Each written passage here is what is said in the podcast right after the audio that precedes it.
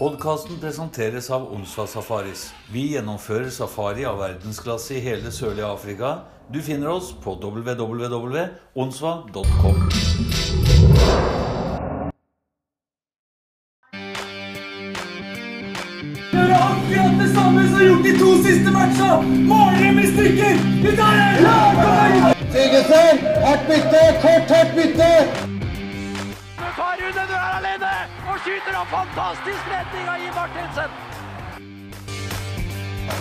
Forbanna kokos. Pucken sklir mellom beina på Jonas Nordgren og i mål. Kenneth Larsen gjør det. Og så er det Vålerenga som leder 1-0.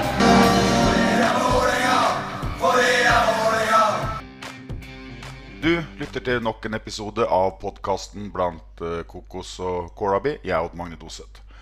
I dag er det ikke en Vålerenga-profil, men en som har frekventert Jordal i flere tiår. De er hata og omdiskutert, men er en nødvendig ressurs for å holde ligaen i gang. Jeg snakker selvsagt om dommerne. Jeg mener det er en undervurdert gruppe i idretten vår, og som har en veldig krevende jobb. Ofte med dårlige arbeidsforhold, og jeg har stor respekt for jobben de gjør, og hva de legger ned for å lykkes. Vi skal snakke mer om dette sammen med dagens gjest. Kult å drite seg ut på national TV. Men det var nettopp det ishockeydommer Ove Lytke gjorde i kampen mellom Lillehammer og Sparta. Er det stolpe inn? Nei! Jo. Ja, han annullerer den. Hvorfor det? Så idet jeg skal forklare Sparta-spilleren hvorfor jeg annullerer målet, så går det opp et lys. Stolpe og keeper mål. Regelboka sier stolpe og keeper mål. Jeg har driti meg ut, jeg. Jeg visste jo at nå kommer det til å bli varmt. Jeg beklager. Det må rette opp. Altså Forbered deg på det verste, håp på det beste. Han innrømmer at han er ut, han er voksen nok til å rette opp sin eh, egen feil. Skulle gjerne vært foruten, men når det da har skjedd, så er det jo hyggelig at folk eh, anerkjenner eh, at man er ærlig og ydmyk, og at det er greit. I dag har jeg besøk av en dommer som har dømt i toppserien i 32 år. Mer enn 750 kamper. Starta som linjedommer, men konverterte til hoveddommer. Har dømt 17 internasjonale turneringer. Og har dømt i to Paralympics i Torino og Pyeongchang. Velkommen, Ove Lytke. Takk for det. Ja, Ove, jeg har kjent deg i mange år, og eh, du har en lang karriere bak deg. Men du kan, du kan begynne med å si litt om deg sjøl, og du kan si litt om hvordan du starta med å dømme. For jeg har jo alltid lurt på hvorfor folk frivillig eh, tar den jobben med å få kjeft to ganger i uka. Ja, det har nok vi dommere stussa på en gang iblant òg. Men det, vi sånn, eh, Det er ikke så gærent med den kjeftinga som folk skal tro. Det er nesten i kampens hete. Og det, det er ikke noe Det er ikke så, så gærent, syns vi, da. Eh, Men jeg, jeg begynte nå og Jeg tok et dommerkurs da jeg var 14 år. og Spilte i Manglerudstad. Eh, Og så eh, gikk det ja, Så var det egentlig morsommere å dømme enn å spille. Jeg var litt liten og sein utvikla, så det var veldig morsomt å takle meg. da. Eh, fordi de andre gutta vokste og ble større og sterkere enn meg. Og, så, og da var det i hvert fall mye morsommere å dømme. Og så viste det seg at det, det var noen som syntes at jeg hadde anlegg for å dømme, og sa og tidlig, ja, tidligere dommersjef eh, Frank Tonås som sa det at dere sa det rett ut at hvis du vil satse på dømminga, så vil Ishockeyforbundet satse på deg. Mm. Og resten er historie. Ja. Og da ble det jo å dømme en del yngre lag og en del lavere divisjoner først. Og da var, da var det vel til og med utedømming, vil jeg tro. Ja, det var ute både på Manglerud uh, og i Bingen på Jordal og på Dælinga. Uh, det var ikke alltid like hyggelig når det var liksom snøføkk og det var minusgrader i januar og februar. Uh, men eh, vi, vi gjorde det, og ja, jeg er glad for det i dag. Og så er jeg veldig glad for at vi ikke har utebane lenger. ja. ja.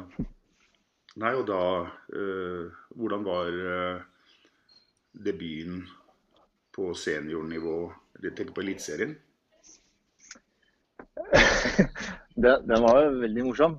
Eh, for når, jeg konverterte, så måtte jeg gå ett år på, i første divisjon junior osv. Så øh, året etter da fikk jeg liksom Nå er det, skal du få din sjanse. Og da fikk jeg Vålerenga Lillehammer. Eh, det var jo kjempespennende. Og da fikk jo liksom mutter'n og fatter'n og en haug med andre folk eh, anledning til å være med og se på. Eh, og det var jo veldig hyggelig gjort av Jan Tore, husker jeg. Jeg ringte og spurte om jeg kunne få grupperabatt. For vi skulle ha med 14 stykker. Mm. Og så sa han at eh, nei, du skal, du skal få de billettene. Så det syns jeg var veldig hyggelig gjort. Ja, det var raust. Men eh, i hvert fall Ja, det var, var raust og hyggelig gjort. Men så da hadde jo sekretariatet da, med Hofsengen sikkert i, i spissen alliert seg med Pål Garsjø og Thomas Gynke, som var linjedommer i den kampen, om at eh, de ikke Altså jeg skal gå på isen først, og så skulle de bli stående. Ikke gå på isen. At jeg skulle gå rundt et par runder på Hurdal aleine med spotlight, mens de spilte like a virgin. det, det var jo veldig ja, Blomster fikk jeg til av meg. Det var av Øyvind Nordli. Så det var, det var veldig hyggelig. Ja, ja, ja. Men eh, du sa du, du konverterte jo som eh, fra linjedommer til hoveddommer eh, og sånn. Og du hadde jo ganske mye istid, altså mye dømming som linjedommer også. Er det veldig stor forskjell? Ja, jeg vil si det. Eh, Du har jo eh, Det er stor forskjell på flere måter. Du, eh, Skøytegåinga er litt annerledes. Du bruker hele banen, blant annet. Eh, Og så er det jo avgjørelsene du tar som hoveddommer. Eh, jo enten et lag, ofte et lag i undertall eller, eller to. Eh, En linjedommer kan ta en feil offside eh, eller icing. Men sånn direkte så gir det jo kanskje ikke de aller største konsekvensene der og da. Det er klart det kan være en face-off som ender opp i feil sone, og så kan det gå rett i mål. Det har skjedd. Men for det meste så er det utvisningene våre som eh, Eller ja, hva skal jeg si? Ja, det har kanskje større impact enn en feildømt offside. Mm, mm, selvfølgelig. Eh, jeg har jo hatt en del kontakt med dommermiljøet. Jeg har jo eh, drevet et firma i Vent Garden sammen med Stian Bruaset og, mens han var aktiv dommer. og Senere dommerveileder. Det som slår meg over, det er at det er veldig godt samhold i miljøet blant dommere. Veldig. Eh, vi, vi har vi, kaller, Kan vi kalle oss en sånn egen rase? Eh, jeg vil tippe at det blir litt sånn som en, en eh, Uten sammenligning direkte, men eh, at man er en bataljon som kjemper eh, i bushen sammen. Og så får man veldig sånn tett og nært forhold til hverandre. Eh, litt, litt den samme stilen kanskje er det med oss dommere. Vi, liksom, vi kjemper vår kamp eh, hver dag eller hver runde ute på isen der.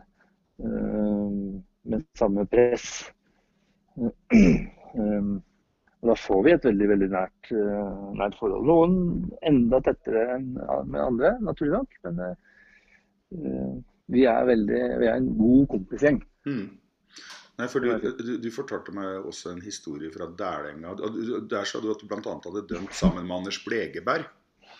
Men du, men, Ja. du, men, du, men, men du fortalte en, en historie om eh, en av de rutinerte dommerne som eh, tok seg av deg når du var veldig ung. Ja, eh, Jan Viktor Makkus, han eh, var jo en av toppdommerne våre. Ikke, det er ikke sikkert alle husker han, men eh, hvis noen husker Hockeyfeber-filmen, så var det jo han som var den dommeren som, som keeperen slo ned. Mm, Eh, eh, og han og jeg vi sammen flere ganger. Eh, og dette her var en Det er desember eller januar, det husker jeg ikke helt i farta, men det var i hvert fall bikkjekaldt, og det snødde, det var guffent. Og jeg, jeg tar jo T-bane og buss for å komme meg til og fra Dælinga. Eh, så etter kampen så inviterte han meg på mm, pizza så, på en eller annen sjappe, da. Mm. Ja, det var hyggelig. Og så spiste vi pizza, og så kom regninga, og jeg tar jo pengene mine og Nei, nei, de penga kan du spare til å ta lappen. Ja, det var hyggelig. Ja, og så skal jeg kjøre deg hjem, sa han. Og det var Det er kanskje i hvert fall det første minnet jeg har fra det å være en del av en gjeng. eh, av den dommergjengen. Mm. så det, det, det festa seg. Så det må, da må man passe på at man gjør det samme tilbake igjen til de nye som kommer bak oss. Mm, mm, mm. Nei, for det Ja, det kommer jo noen nye, men én ting som jeg også ser fra dommermiljøet, er jo at dere holder jo på kolossalt lenge. Du har jo holdt på i over 30 år å, å dømme. Når jeg tenker på Tor Olav, Tor Olav, Jung, Tor Olav Altså, jeg, jeg, jeg, jeg nærmer meg jo pensjonsalderen. og Jeg kan jo nesten ikke huske jeg har vært på en hockeykamp, eller hatt en hockeysesong der han ikke har eh, dømt. Ja. Men han, han er jo den Han er superveteran. Det er han som har holdt på definitivt lengst nå. Han har jo eh, jeg er ikke være et par, par og 50 nå. Eh, jeg har ett år igjen, så er jeg 50. Så ja, vi holder på ganske lenge. Eh, det sier jo noe om hvor mye vi elsker sporten. Eller det vi driver med. Jeg syns det er kjempegøy. Hvis ikke så hadde vi ikke gjort det. Ja, ja, og, og miljø både Eh, Så mellom lenge Ja, altså miljøet både dommerne Ja, imellom og, ja. kontakt med spillerne. Så enten så må man jo ha det veldig bra på jobb, eller så får man utrolig godt betalt. Ja, og det er ikke det siste. Altså, det begynner å komme seg nå, men det er, det er mest det kameraderiet, eh, opplevelsene. Man har jo fått opplevd uh, reist verden rundt med dette her. Eh, og så lenge helsa holder, eh, og noen syns at vi er gode nok til det vi holder på med, så, holder vi på. Nei, for da, da kommer vi jo inn på en, en annen ting, Ove. Det er eh, Jeg veit at nå så bruker dommere veldig mye tid på fysisk trening og på å holde seg i form. Dere er jo toppidrettsutøvere. Ja. Vi, vi trenger nok ikke like mye muskler som en spiller, for vi skal ikke bli takla. Eh, Men vi trenger å være kjappe i beina, vi trenger muskulatur i beina, vi trenger pust. Vi trenger lungekapasitet, Mm. utholdenhet, sånn at vi har huet kaldt også mot slutten av kampen.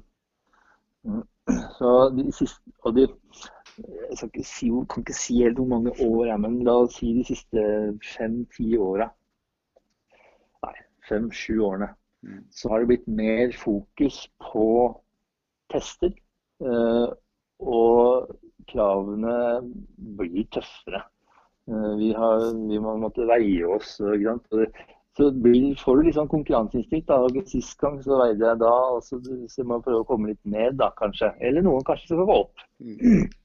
Eh, eh, ikke at det er noe sånn kroppspress, men det er jo for for å se helheten eh, på dommerne. Og så er det trening, og så er det tester. Sist gang så sto jeg planke så lenge, og nå har jeg lyst til å stå litt til. Vi, og- og den, den eh, holdninga, mentaliteten som vi dommerne har fått nå etter hvert, da, den tror jeg er sånn litt kulminert nå i år. fordi hvis jeg ikke tar helt feil, så har vi ikke sett så mange bra tester. De som har, det er mange som har forbedra seg. eh, og de som eh, Og så er det noen som er på stedet hvil, men de som måtte forbedre seg, har forbedra seg. Mm. Og så har dere jo en Og det virker det som forbundet er fornøyd med. i hvert fall. Ja, så har dere jo en tidligere Vålerenga-spiller som nå har etablert seg som toppdommer, som driver som personlig trener. Ja, eh, det er litt morsomt da med, med Kenneth Danielsen. Han er jo blitt en veldig god venn av meg. Mm. Uh, og det starta jo med at jeg var en form for eh, mentor, og så har det uh, blitt et godt kameratskap. Og han er jo, han har dødspeiling på trening. Uh, og det er jo han, uten han så hadde ikke jeg hatt de resultatene som jeg har nå. Eh, han har backa meg og hjulpet meg å motivere meg og gitt meg øvelser og fortalt om ditt og svart på datt og så videre. Så det har vært en veldig god støtte, i hvert fall for meg. da. Og alle burde hatt en sånn en, men det er jo ikke så lett. eh, dessverre. Og så er han dessverre ute nå med kneskade. Han måtte operere. Og det er jo skikkelig dårlig timing, syns han, da. Fordi han var liksom på vei opp, og dette året skulle han kanskje komme opp uh, som uh, hovedrommet i uh, Eliteserien fast. Han hadde vel åtte eller ni kamper i fjor. Og så skjer dette her, da.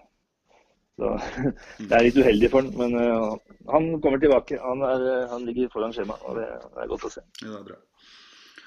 Men nå er det jo sånn at dommere blir jo først og fremst ikke målt på fysikk av de som vurderer. Det er jo Det går jo på regelverk og tolkninger og game management. Eh, Ja. Hvordan oppfatter du regelkunnskapen til spillere, trenere, publikum generelt? Det er varierende. uh, vi, punkt én. Vi kan ikke forvente at alle kan regelverket like godt som oss. For det, er vår bibel, og det er den vi leser. Og den kan regel... Altså, hockeyregler er ekstremt kompliserte, og kanskje blant verdens mest kompliserte regelverk for lagidrett. Med regeltekst og tolkninger. Og det kan være tungt å lese den regelboka. Pluss at det finnes regler som går i en annen regel som henviser til en tredje regel. Så Mm. det kan være vanskelig å bruke den. Ja. Så det er noe litt sånn for spesielt interesserte. Mm. Um, og det er vel vi er vel spesielt interesserte, og så er man eh, sånn delvis interessert uh, ja, Ja.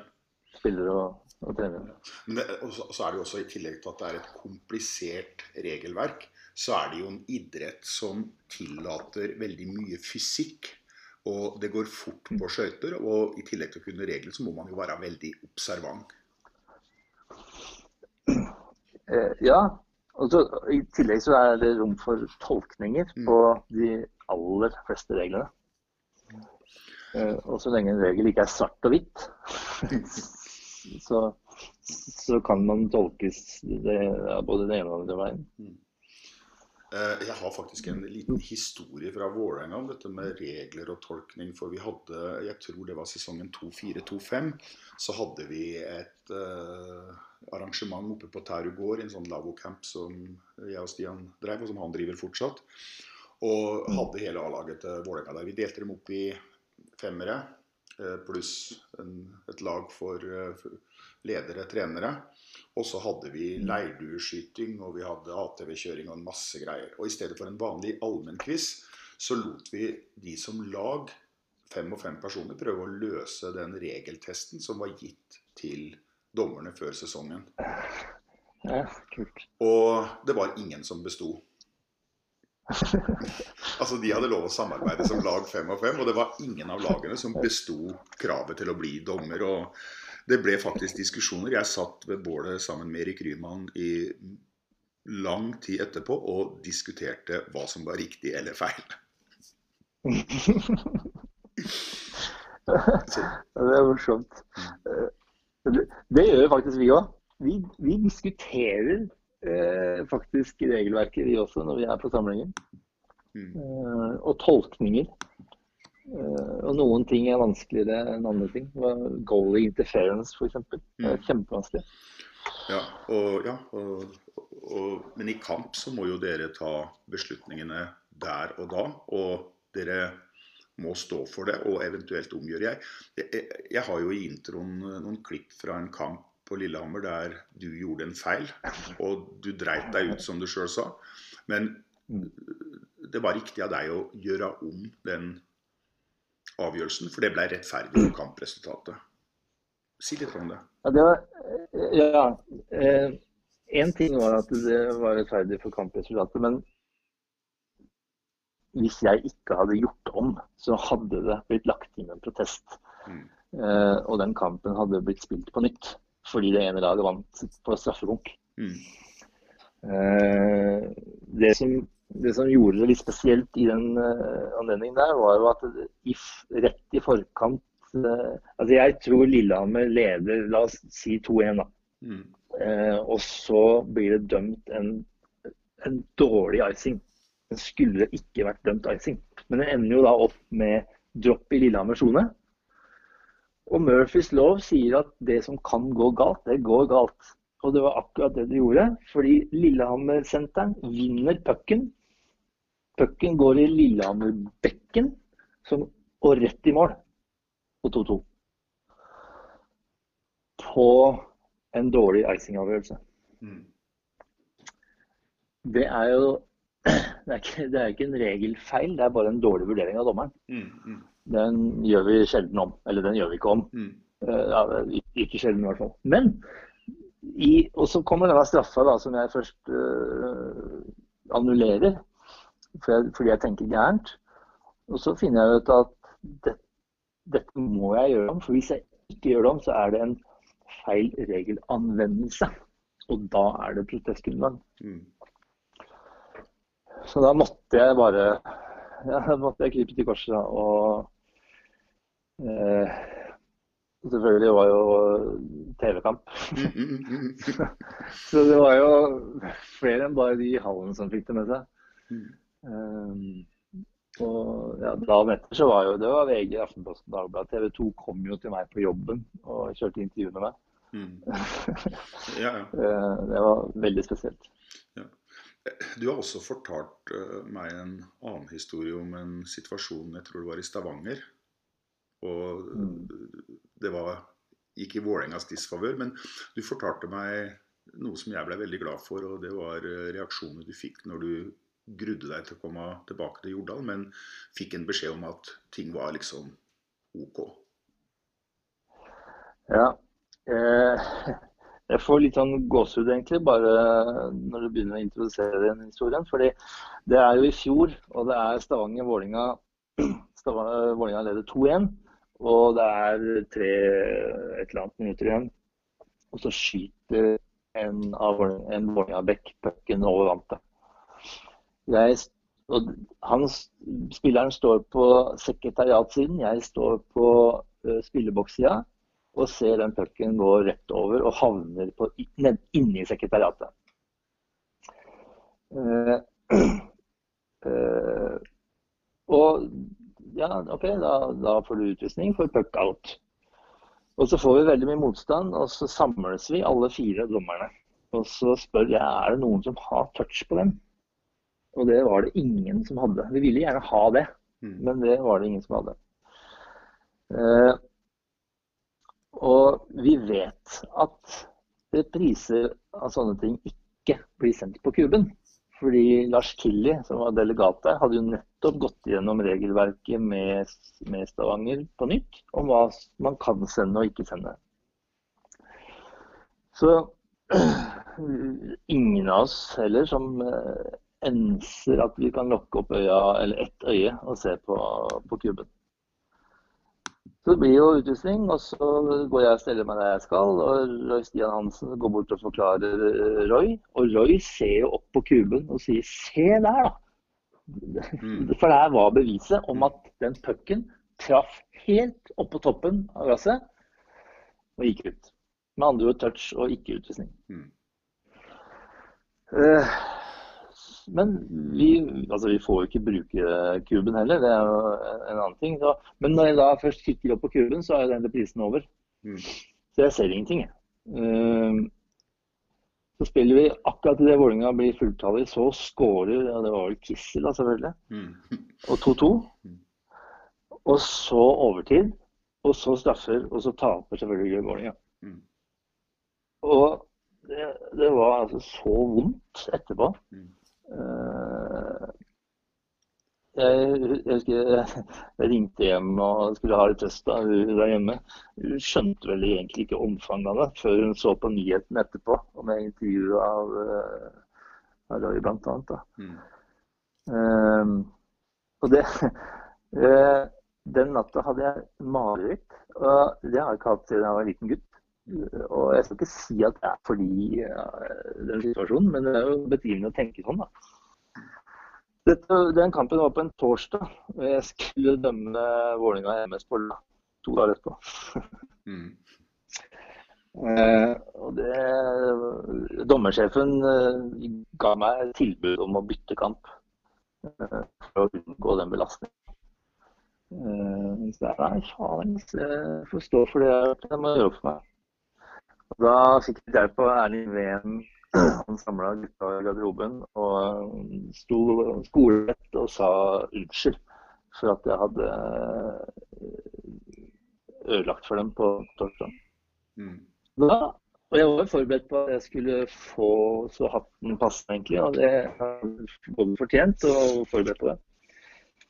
Men eh, reaksjonen fra Lindstrøm å komme bort til meg og ta med hånda og si at det er lugnt, og klappe på skulderen, og alle gutta var helt uh, avslappa på det, så, så deilig Mm. at, at man kan ha det sånn.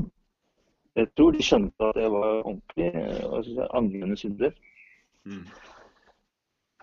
Så, men det var en fin reaksjon også fra Roy Johansen eh, før, før kampstart. Jeg med han og sa at nå, så alt, det var i orden. Mm. Det var godt. Ja, nei, det er, er sånn det skal være. Du nevner Kuben, og, og det kommer på nyhetene og sånn. Og, og det er klart at de siste årene med TV 2-avtaler og sånn, den mediedekningen som ishockeyen har fått, så må jo det også påvirke dommerjobben, siden det blir mer tilgang til levende bilder, repriser og, og synsing fra folk som sitter i sofaen og ser på.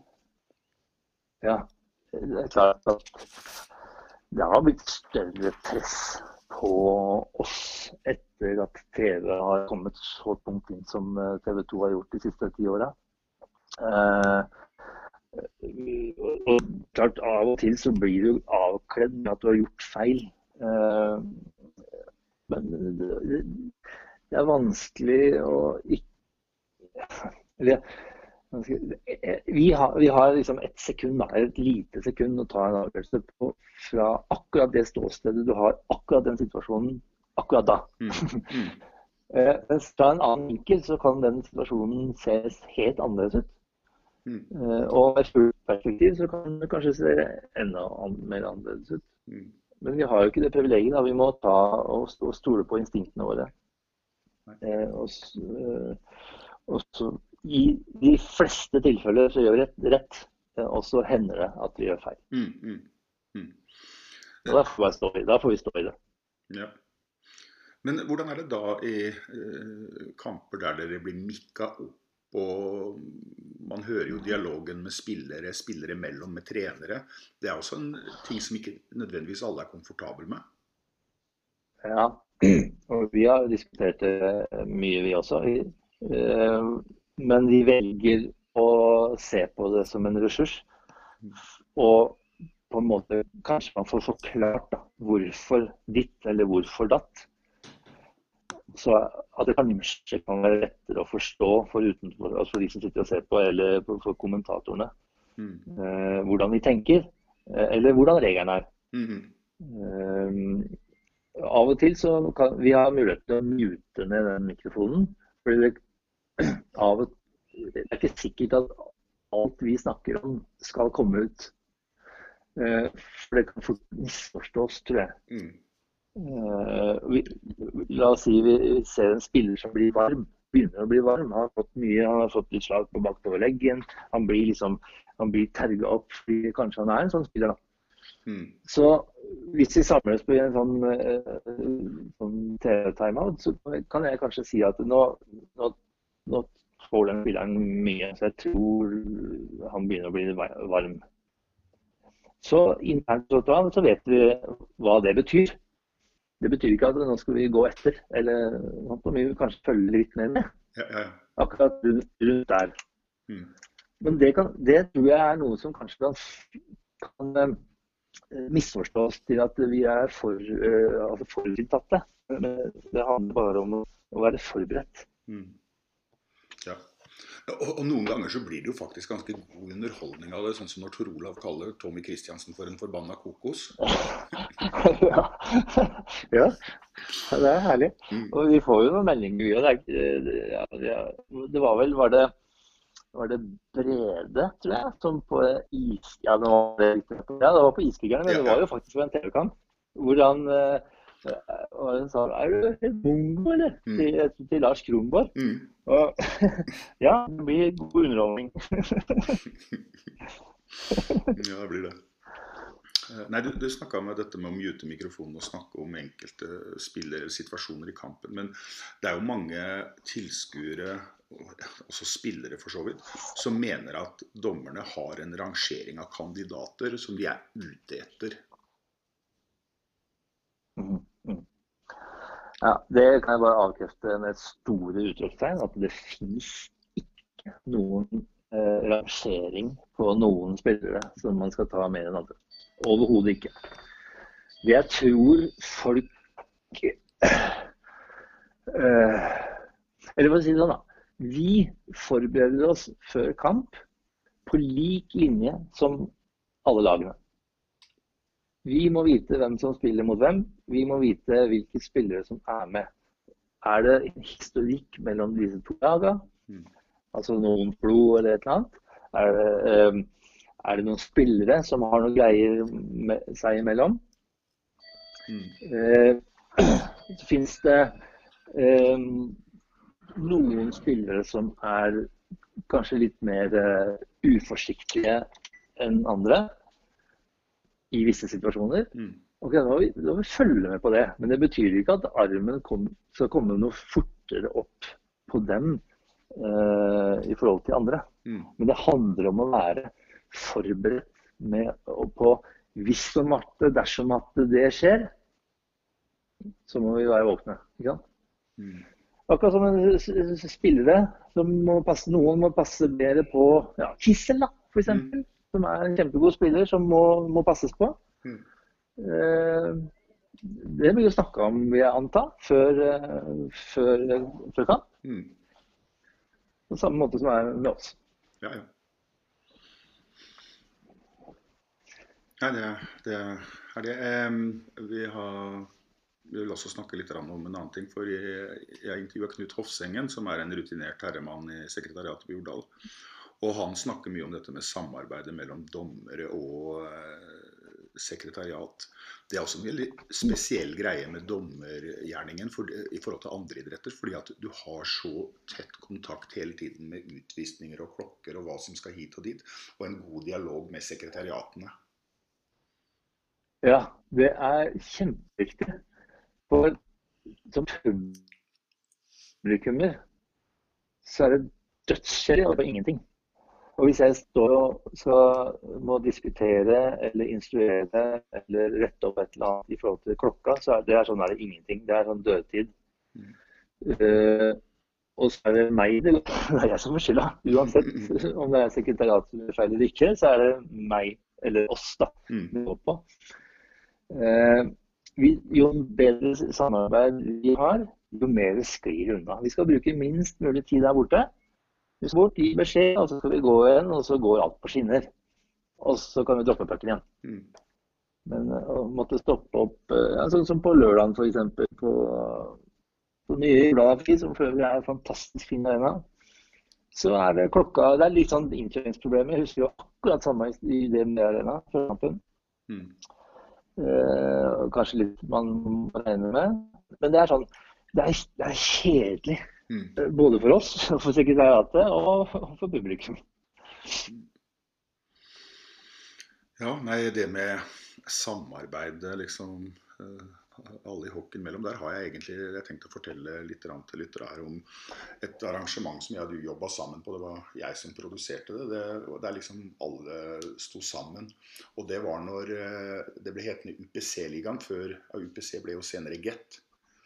Og da skulle vi introdusere ishockeysporten for UPC som eh, eh, organisasjon. Så de kom på Jordal med alle ansatte. Det var fire lag som skulle spille mot hverandre. De måtte bemanne sekretariatet. De måtte gjøre alle funksjoner som tilhørte en hockeykamp. Resten var publikum. Men da var du hoveddommer og hadde med deg to jenter fra UPC som eh, linjedommere. Mm.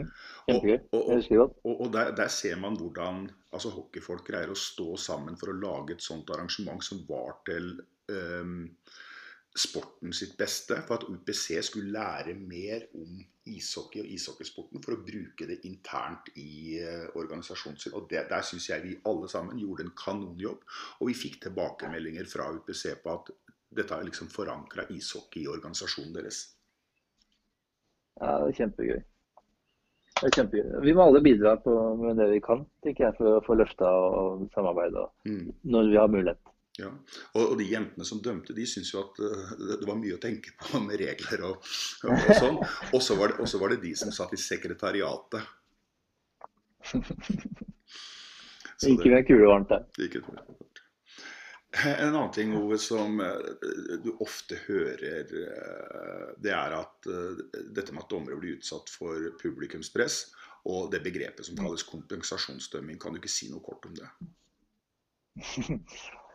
Jo, jeg forstår at det kan oppleves som kompensasjonsdømming.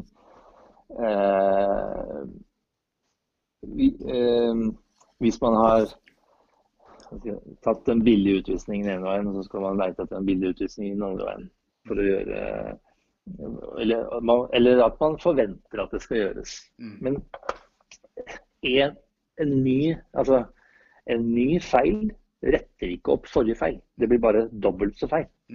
Det, det er i hvert fall mitt utgangspunkt. Uh, det er, uh, hvordan skal jeg forklare det? Vi, ehm, vi, vi, må, vi må prøve å eh, eh, eh, Jeg har det på tunga, det kommer snart. Balansere. Sånn at, det opp, at ting oppleves rettferdig totalt sett. Men det betyr ikke at når jeg veit at jeg har tatt en billig utvisning på Vålinga, så må jeg finne en billig utvisning på Stavanger. Det gjør det ikke. Nei, nei. Publikumspressa. Ja, det, eh, av og til så må jeg tenke. Hva skjedde, og hva har skjedd tidligere i kampen? Hvor skjedde dette? Og hva var konsekvensen?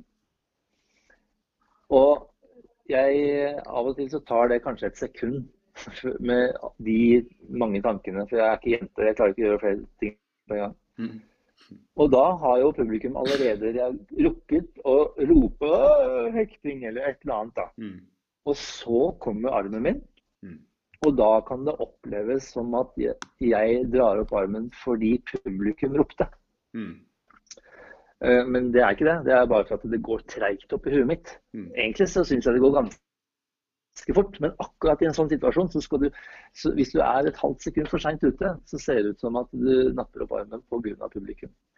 Men, men det er ikke det. Det er rett og slett fordi at man må prosessere hva man har sett. Eh, og gjerne sette det i, i sammenheng med resten av kampen. Da. Men eh, ja, men eh, dommere har jo lett for å bli et hatobjekt for publikum. Men du har jo faktisk fortalt meg at du har eh, i hvert fall én supporter.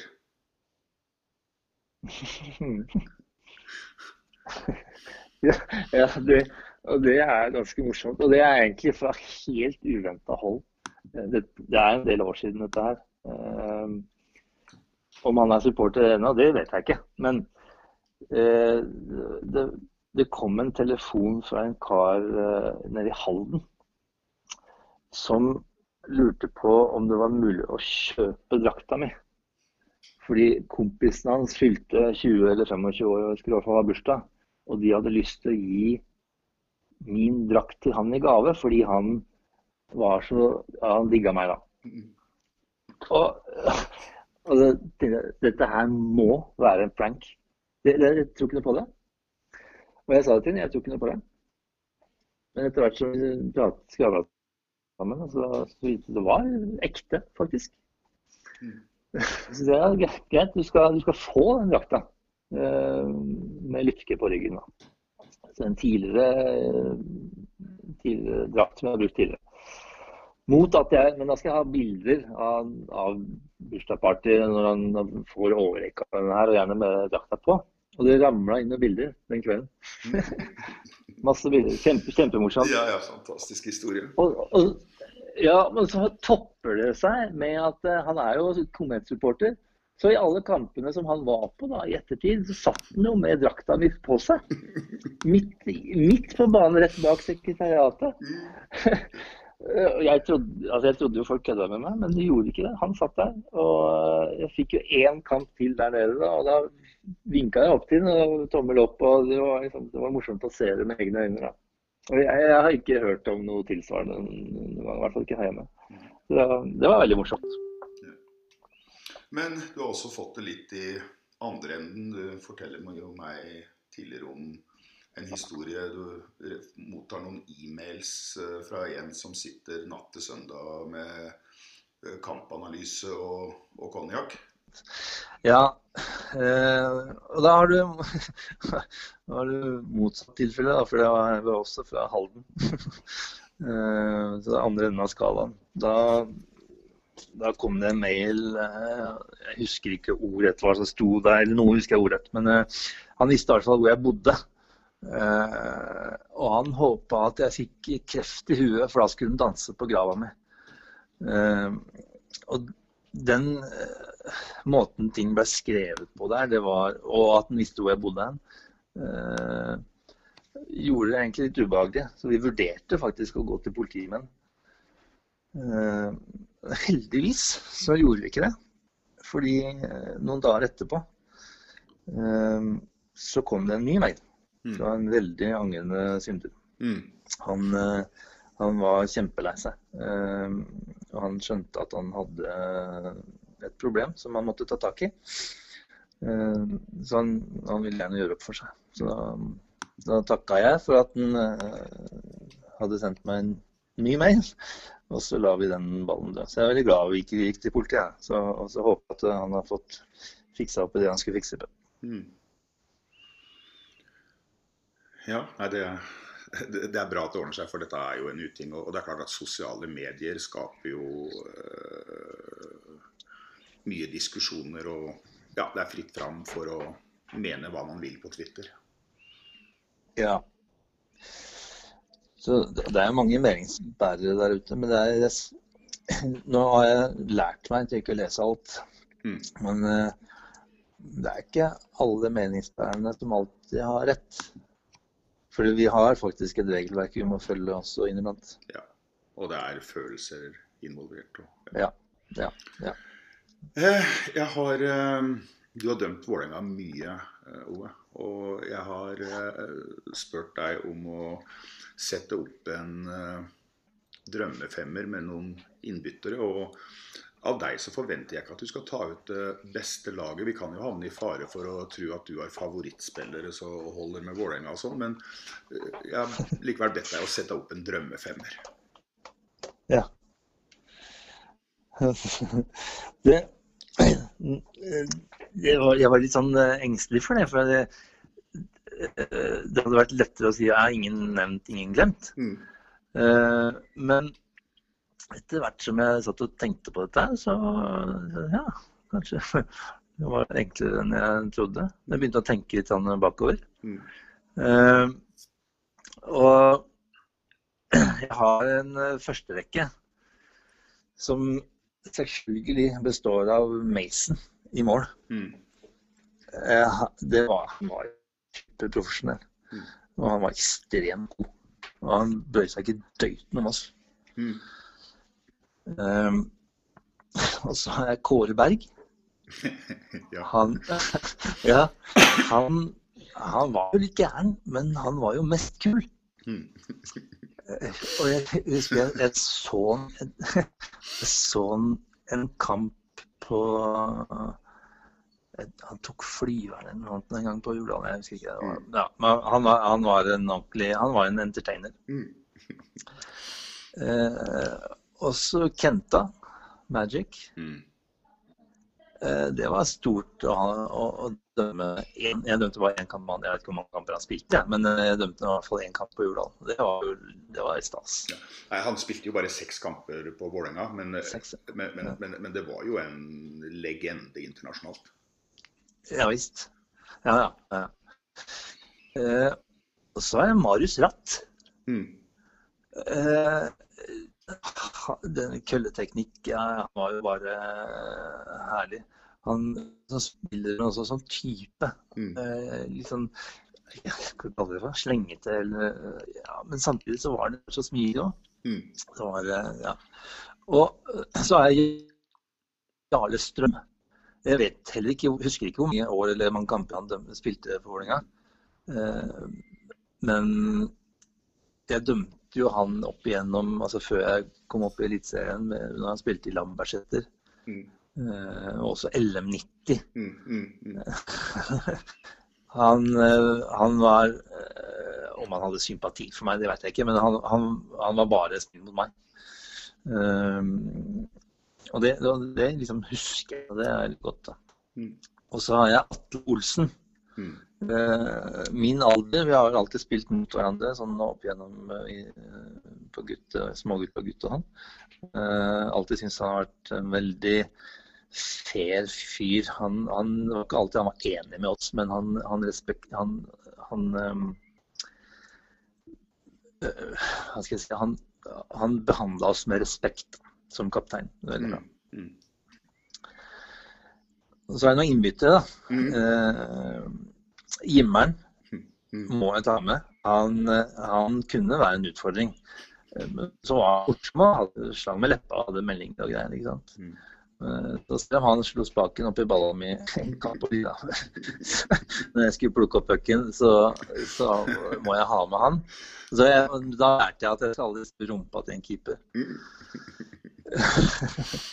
Eh, Øystein Olsen. Mm. Aldri en kjedelig kamp med han på isen. Han var ikke noe spesielt begeistra for dommere, men, men han, han var ikke så halvgæren mot meg, altså. Eh, og vi har jo en historikk i MS eh, også. Mm. Vi spilte jo sammen. Han var jo et år eldre enn meg, så av, inniblant så spilte jeg Som småguttspiller så fikk jeg også spille på guttelaget. Mm. og da var jo han, da. Mm. Og så eh, de to siste, Rune Fjelstad og Jarle Gundersen. Mm, mm. Eh, kjempefine fyrer, både på og av isen. Eh, lot meg være i fred. Eh, jeg tror ikke de brød seg særlig om oss. Kan, ikke- som jeg kan huske, i hvert fall. Eh, ja, så det er vel de jeg ville, ville satt på satt på gamesheeten. Mm, bra. Mm. Ja, da skal vi over i kategorien for eh, historier. Og her har jeg faktisk tenkt å innlede med en uh, sjøl. Jeg har ikke mye erfaring med å stå i boksen eller coache, men jeg, på et tidspunkt så coacha jeg noe rollerhockey. Det var 86-laget til Vålerenga. De som ikke spilte fotball eh, på eh, sommeren, de var med på rollerhockeyturneringer. Og vi hadde et veldig bra lag. Og Jeg husker ikke hva han dommeren heter, men det var han som hadde den Mission-butikken på Økern. Han var dommer. Ja. Vi spilte i, i Grünerhallen, og det var en takling fra en av spillerne våre. Det blir avblåsning, og det blir en del diskusjoner, og så blir en av spillerne våre sendt i garderoben. Jeg tror alltid på diplomati. Jeg prøvde å være rolig, kalte til meg dommer og sier at den taklinga var ikke nok til match. Og da ser han meg rett i øya og så sånn nei, nei, nei, taklinga den gir ikke mer enn to minutter. Men når en 15-åring ber meg suge pikken min og henge meg, da skal han få lov, å dusje. og, og, og, det er vel, og det er vel egentlig eksempler på at publikum ofte ikke hører alt og skjønner alt som skjer på isen. Og, jeg la meg paddeflat og sa at da er det greit.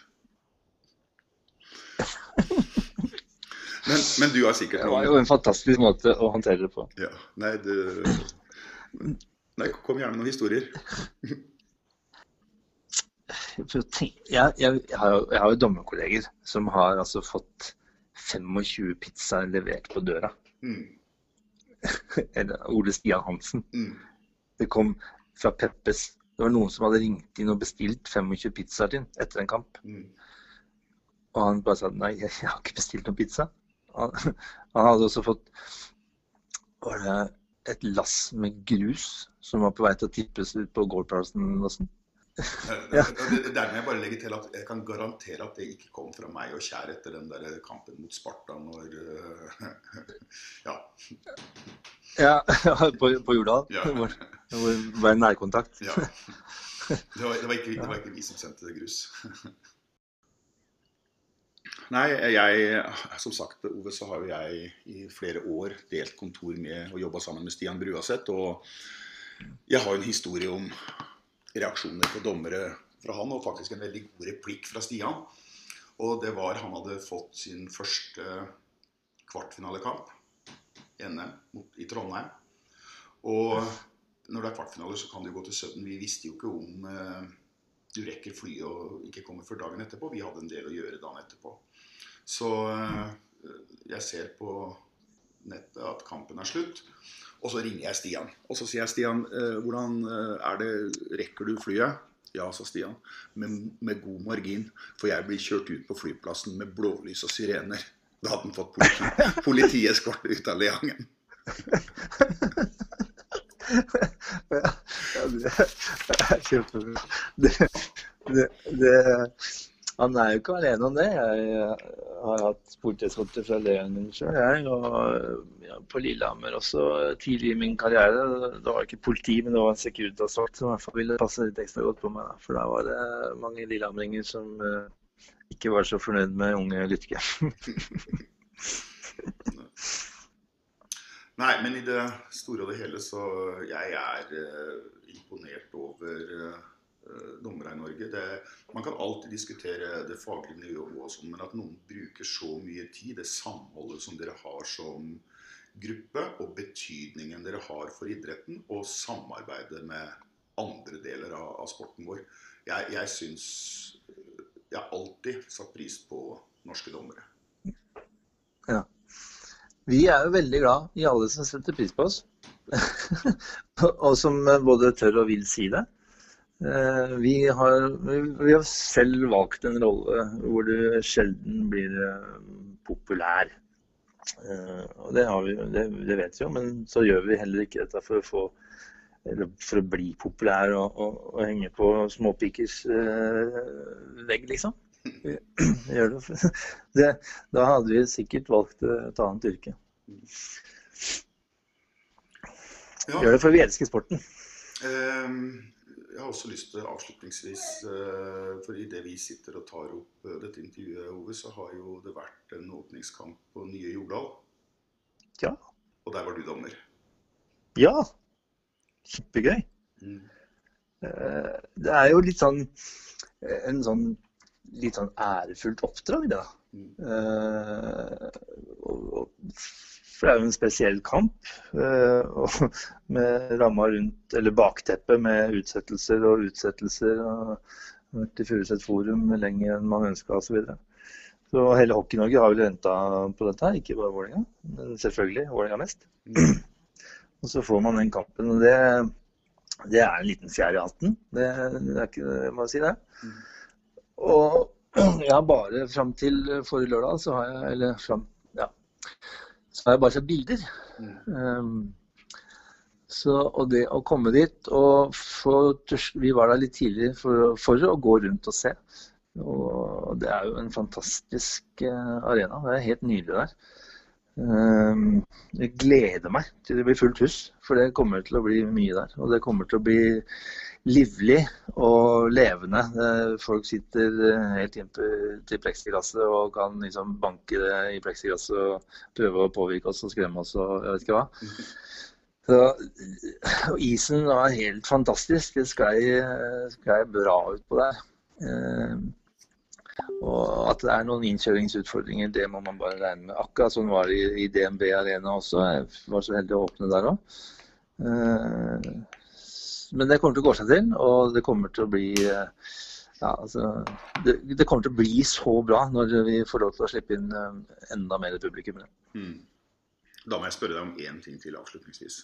Mm. Når det mm. første Vålerenga-målet kom, og du går til sekretariatet for å gi eh, mål og assist, tenkte du over at det egentlig var jævlig bra at det var en så ekte Vålerenga-gutt som Jonas som fikk sette det første målet? Det var kjempegøy at det var oppe igjen. Eh, det var, det var helt riktig. Mm. Altså, det er liksom Det er Vålinga fra 10-12 år og eh, holdt på der i, i, evigheter. Og at det er en Vålinga En vaskeekte Vålinga-gutt som får lov til å sette det første målet. Eh, det var jo helt riktig. Ja, Ove. Da har vi kommet til veis ende. Eh, vi er i begynnelsen av sesongen. Jeg ønsker deg lykke til. Og publikum får jo da bare fortsette å rope og skrike på deg. Ja, det, eh, det har vi ikke snakka så mye om. Eh, Det er fryktelig kjedelig å dømme når det er helt stille i hallen. Så jeg, altså Jobben til publikum er jo å heie på laget sitt og bue på dommeren og alt det der greiene. Så jeg håper jo for guds skyld ikke at de slutter med det. Så det Kjør på. Skap stemning. Det var oppfordringen til publikum. Jeg sier tusen takk, Ove. Jeg har kjent deg i veldig veldig mange år. Jeg veit at du er en bra fyr, en bra person som jeg liker å prate med. Lykke til videre, og vi prates. Takk for at jeg fikk være med.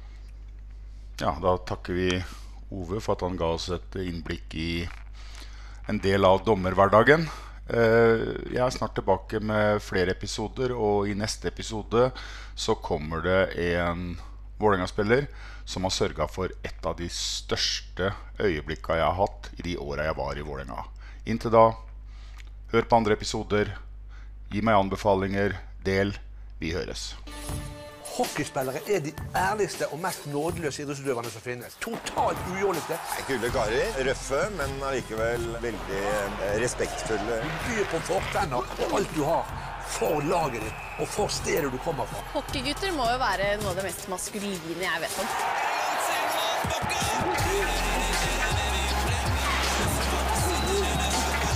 Rasmus Sand!